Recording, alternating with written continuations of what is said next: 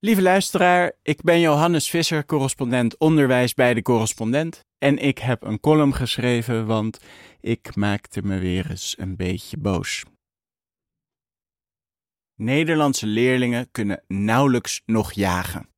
Ze weten niet eens meer hoe je een speer moet werpen.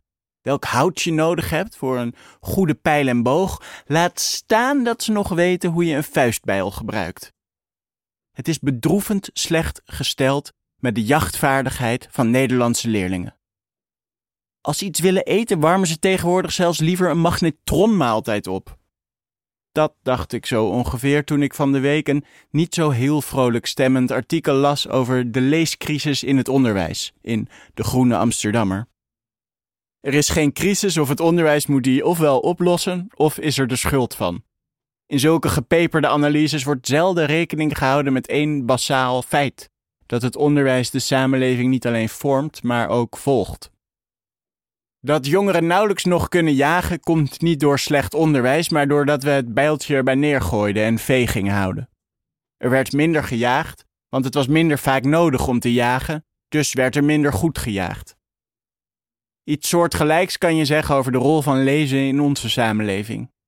Om een melanzane te maken hoef je geen recept meer te lezen, maar kan je een tutorial kijken. Voor je vermaak hoef je van de koele meren des doods niet meer open te slaan, maar kan je op driehoekjes en vierkantjes drukken om zombies neer te knallen.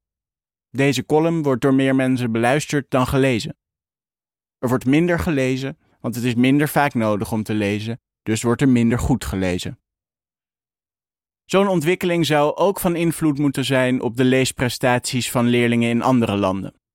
De auteurs van het artikel in De Groene, Ira van Dijk en Marie-José Klaver, schrijven dat mensen om te relativeren graag naar het buitenland wijzen. Daar daalt de leesvaardigheid ook. Maar, merken ze daarbij op, bij ons daalt die aanzienlijk harder. Al meer dan twintig jaar nemen de leesprestaties van basisschoolleerlingen gestaag af. Zo blijkt uit het internationale leesonderzoek PIRLS. En op Frankrijk na kent geen enkel land zo'n scherpe daling in de leesresultaten van tienjarigen. In Rusland, China, Hongarije en Bulgarije wordt aanzienlijk beter gelezen dan in Nederland. Oh jee, zelfs in Bulgarije wordt beter gelezen dan in Nederland? Dan moet er toch wel echt sprake zijn van een crisis. Maar ik lees toch iets anders in die cijfers. Namelijk dat de prestaties van landen nogal schommelen in dat Perels-onderzoek en dat de resultaten van Nederlandse leerlingen de laatste tien jaar stabiel zijn. Het expertisecentrum Nederlands concludeert dan ook: uit de resultaten van Perels 2016 blijkt dat het leesvaardigheidsniveau al tien jaar stabiel is. Bovendien, in ander internationaal leesonderzoek scoren Nederlandse leerlingen van 15 jaar juist beter dan hun leeftijdsgenoten in Rusland, Hongarije en Bulgarije. In dat onderzoek zijn de prestaties van Nederlandse leerlingen tussen 2006 en 2012 gestegen en juist de afgelopen 10 jaar gedaald. Geen al 20 jaar durende, scherpe, gestage daling dus. Voor de goede lezer kan een gestage daling wel ook een scherpe daling zijn? Begrijp me niet verkeerd. Onderwijs kan en moet leerlingen leren lezen, want het mag dan minder vaak nodig zijn om te lezen, soms is het wel noodzakelijk. Maar wie geen rekening houdt met een veranderende wereld, ziet in elke ontwikkeling een onderwijscrisis. Wie er geen rekening mee houdt dat de wereld verandert, schrijft geen analyse, maar een klaagzang. Die zang in de groene klinkt zo. Behalve gebrek aan regie van de overheid, verkeerd besteed geld, modieuze innovaties, gebrek aan kennis over leesdidactiek in de onderwijspraktijk, de te lage waardering en opleiding van de leraar, is leesvrees met de afnemende leeskilometers die kinderen daardoor maken ook oorzaak van de dalende cijfers. Conclusie: het hele fundament van het onderwijsgebouw blijkt rot. Zulke zwaarmoedigheid is zonde. Je wilt er je boek van wegleggen om eens even lekker de laatste drie seizoenen van The Bachelor te bingen. Of zoals mijn vriendin, die leraar Nederlands is, zei toen ze zich door de klaagzang in de groene heen had gewerkt: Zo heb ik er geen zin meer in. Daarom een opgewekter einde. Want als we geen oog hoeven te hebben voor maatschappelijke ontwikkelingen, kan het onderwijs ook wel wat successen claimen. Leerlingen zijn bijvoorbeeld beter geworden in Engels. Hoera voor het onderwijs!